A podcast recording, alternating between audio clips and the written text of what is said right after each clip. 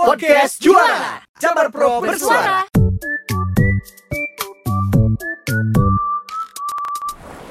Baiklah Sampurasun wargi Jabar, berjumpa kembali di podcast Juara Jabar Prof Bersuara di program Bisik, Bincang Asik. Dan untuk Bisik kali ini, kita sedang ada di Dinas Lingkungan Hidup, jadi untuk episode kali ini adalah Bisik di BLH. Dan bersama saya sudah hadir Kepala Dinas Lingkungan Hidup, Ibu Prima Mayaningkias. Apa kabar Ibu? Alhamdulillah baik. Baik ya Bu ya? Baik. Alhamdulillah. Eh, di pandemi ini Bu, kesibukannya apa aja Bu kalau? Bu? Iya, kesibukan pandemi seben- selama ini malah buat saya makin semakin sibuk juga ya. Gitu. Tapi untuk kegiatan-kegiatan yang tidak melibatkan masyarakat begitu. Jadi ins- alhamdulillah sebagaimana biasa kita tetap melaksanakan tugas untuk mengatasi permasalahan pencemaran dan kerusakan lingkungan di Yang Jawa. pasti tetap sehat Bu ya? Amin, Amin. Kalau bicara mengenai pandemi, Bu, ini juga yang menjadi pertanyaan warga Jabar, di mana kita di era pandemi ini harus menggunakan masker. Betul. Nah, sedangkan yang jadi dilemanya, Bu, ketika warga Jabar banyak menggunakan masker, tentu- eh, yang terutama untuk masker atau medis ya, masker medis, ini malah jatuhnya menjadi limbah, Bu. Ya, betul. Nah, ini mungkin yang kita akan obrolin untuk hari ini di podcast juara di Bis- Bisik Bincang Asik di Dinas Lingkungan Hidup. Bicara mengenai eh, limbah eh, masker medis, ini bahayanya seperti apa sih Bu kalau tahu? Iya. Jadi sebenarnya kalau limbah masker medis itu kan yang kita bisa kategorikan sebenarnya ya. Kalau orang yang tidak terinfeksi atau ter- tidak terinfeksi limbah medis, maka sebenarnya si masker ini tidak menjadikan limbah yang terkategori limbah medis begitu ya. Nah, tetapi kalau orang tersebut terinfeksi tetapi tidak bergejala, kan terinfeksi berarti. Masker ini menjadi limbah medis. Apalagi limbah medis yang ada di Fasiankes yang memang sudah pasti eh, pasien-pasien yang terkena Terkena. eh, COVID-19 ini. Betul. Nah, Profesor Daman Huri dari ITB menyatakan bahwa eh, apa pun itu dikategorikanlah lim- eh, limbah masker ini sebagai limbah medis supaya lebih aman dalam penanganannya. Betul. Nah, dan limbah medis me- masker kaitan dengan COVID di Jawa Barat, perharinya sekarang data yang terakhir saya terima sebanyak 1,7 ton. 1,7 ton. 1,7 ton per hari. Wow, luar biasa. Begitu, cukup banyak ya. Banyak sekali. Nah, walaupun kita sudah sarankan kalau yang tidak terinfeksi bisa juga menggunakan uh, masker-masker yang sifatnya bisa didaur ulang begitu ya. Betul. Tapi dengan 1,7 ton tadi itu adalah bentuk bagaimana sekarang tambah lagi nih jenis sampah yang ada di Betul. Jawa Barat. Betul. Kalau bicara mengenai masker atau limbah masker sendiri, Bu, apakah perlu ada tempat sampah khusus nggak sih Bu di rumah, Bu? Nah, sebenarnya begini, bagaimana penanganan uh, limbah medis ini begitu ya? Khususnya masker. Tadi terkategorikan kalau limbah medis ini adalah limbah orang yang terpapar dan dia isoman, isolasi mandiri di rumah, bukan di rumah sakit. Nah, ini kan tidak terkontrol nih Iya, antara limbah yang dihasilkan dari tidak terinfeksi sama terinfeksi. Maka dari itu sebenarnya Satgas COVID yang ada di RT RW ini Hmm. yang menjadi penting untuk bisa melakukan identifikasi bagi orang-orang yang terpapar COVID tetapi isoman. Di treatmentnya harus berbeda. Dia harus di treatment, dimasukkan di kantong yang kuning dan diperlakukan sebagai limbah medis. Nah ini sebenarnya teman-teman di kabupaten kota sudah harus memperbaiki daripada infrastruktur pengolahan limbah medis. Nanti kalau si sampah kuning dari rumah, harusnya mau dikemana ini sampah? Siapa yang ngambil sampah ini? Karena dia akan treatmentnya beda dengan sampah biasa. Nah ini yang kemarin juga sudah kita bahas, bagaimana kota Bandung sudah melakukan sebenarnya.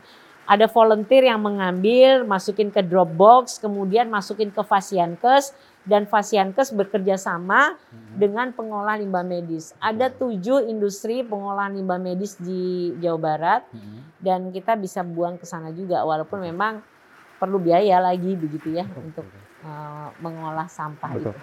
Kalau boleh tahu untuk tahapannya sendiri untuk warga Jabar secara pribadi untuk mengolah limbah eh, masker sendiri gimana Bu? Iya. Ada nggak sih?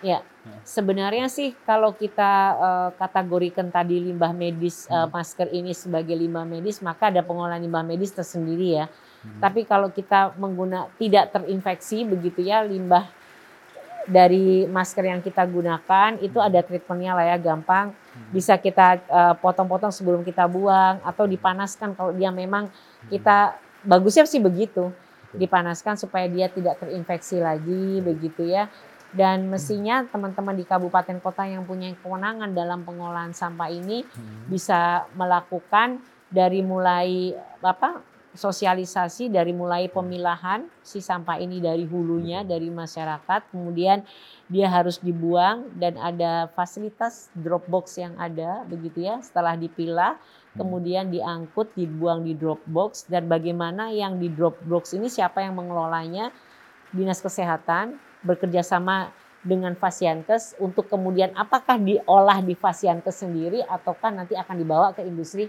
pengolahan. Baik, baik.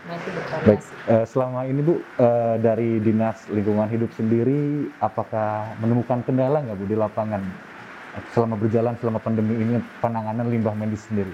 Iya, pastinya kendala-kendala uh, yang kita alami memang masyarakat belum teredukasi dengan baik tentang uh, limbah medis ini. Hmm. Jadi dia belum mengerti bagaimana mengolah limbah medis ini dengan baik. Kemudian kalau pemilahan limbah medis di rumah tangga pun masih belum dilakukan dengan baik, semua masih tercampur. Karena memang belum ada tata kelolanya yang cukup jelas gitu ya.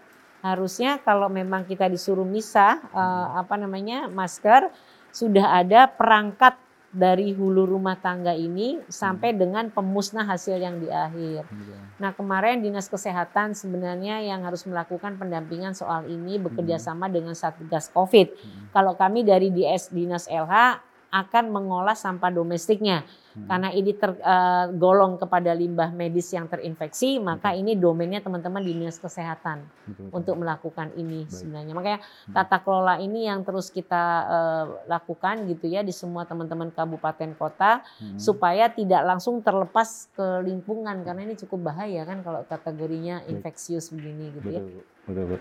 Nah kalau boleh tahu juga Bu untuk uh, selama ini langkah yang sudah dilakukan oleh Dinas Lingkungan Hidup untuk menekan timbunan dari uh, eh, okay. limbah medis ini seperti apa? Kami sudah mengeluarkan surat edaran ya, surat edaran hmm. kepada teman-teman DLH bagaimana melakukan pengelolaan limbah medis ini, Betul. bagaimana mengurangi uh, sampah dari hulu termasuk limbah medis bagaimana kami melakukan juga kerjasama dengan dinas kesehatan yang terkait untuk melakukan pengolahan limbah medis. Bagaimana juga kami juga melakukan uh, kerjasama kaitannya dengan industri-industri uh, yang mengolah uh, limbah medis ini. Betul betul betul. Oke, baik. Uh, ini pertanyaan terakhir bu. Okay. Uh, saya sempat menemukan berita di internet. ada oknum-oknum tertentu yang ternyata menjual kembali uh, masker yang sudah dibuang bu. Mm. Ini kira-kira tipsnya seperti apa bu kalau nah, dari sendiri? Itu tidak hanya hmm. tidak hanya masker yang dijual kembali ya. Betul. Yang dari rumah sakit dibuang di Bogor, hmm. dibuang di Cirebon dalam bentuk bes besar di truk satu truk mereka buang, Betul. termasuk hams, uh, hazmat, kemudian topi plastik, hmm. kemudian masker, alat suntik, semua limbah medis infeksi itu dibuang di wow. sawah dibuang di lapangan, dibuang di tempat yang masyarakat tidak tahu. Nah, iya. kemarin kita temukan, hmm. kemudian kami punya pengawasan juga ya, ada PPLH di sini bekerja dengan kepolisian, kami melakukan investigasi lah ya Betul. dan ketahuan kalau yang di Bogor dari rumah rumah sakit ya ada di kota tertentu dan ini sudah kita usut sudah kita masukkan di pengadilan. Hmm. Nah untuk yang melakukan hal-hal begitu pastinya membutuhkan pengawasan ya, iya, iya. membutuhkan pengawasan dan kami sih berharap satgas COVID tingkat RT RW ini lebih aktif lagi untuk bisa mengidentifikasi Betul. sebenarnya masyarakatnya dalam skop yang kecil itu aman apa enggak gitu sehingga Betul. nanti sampah atau limbah maaf limbah yang uh, dikeluarkan dari itu juga bisa dilakukan pengelolaan dengan baik. Baik, baik. Ibu terima kasih untuk Oke, informasinya. sama-sama. Mungkin waktu kita nggak Ya, lama ya untuk berbincang, tapi semoga uh, bermanfaat informasi yang Amin. disampaikan oleh Ibu Prima. Mungkin Bu ada satu statement terakhir mungkin Bu, yang ingin disampaikan untuk warga Jabar yang sudah mendengarkan dan menonton podcast Jabar Juara ini silakan. Oke, kepada Hmm. Bapak Ibu masyarakat Jawa Barat yang kami cintai bahwa eh, dengan kondisi pandemi Covid yang sekarang pastinya kita semua memproduksi limbah eh, medis Hmm. dari eh, masker mungkin terutamanya atau limbah-limbah yang kita produksi dalam rangka pengamanan untuk Covid ini, maka berlakukanlah limbah medis ini dengan baik. Beberapa eh, anjuran yang di eh, berikan oleh dinas kesehatan yang ada di media massa juga sudah dilakukan bagaimana mentreatment uh, limbah medis ini setelah kita pakai kemudian uh, kita lakukan treatment kita potong kita buang Betul. pada tempatnya kita pisahkan Betul. dan kemudian kita kumpulkan uh, melalui uh, RT RW setempat dan nantinya dinas kesehatan yang akan melakukan uh, pengambilan dari masker tersebut. Demikian dan tetap jaga kesehatan. Semoga kita selalu dalam lindungan Allah Subhanahu wa taala. Amin. Baik. Ibu Prima terima kasih sekali lagi atas waktunya dan warga Jabar juga terima kasih yang sudah menonton dan mendengarkan. Jangan lupa untuk terus dengarkan podcast Juara di kanal kesayangan warga Jabar. Wassalamualaikum warahmatullahi wabarakatuh.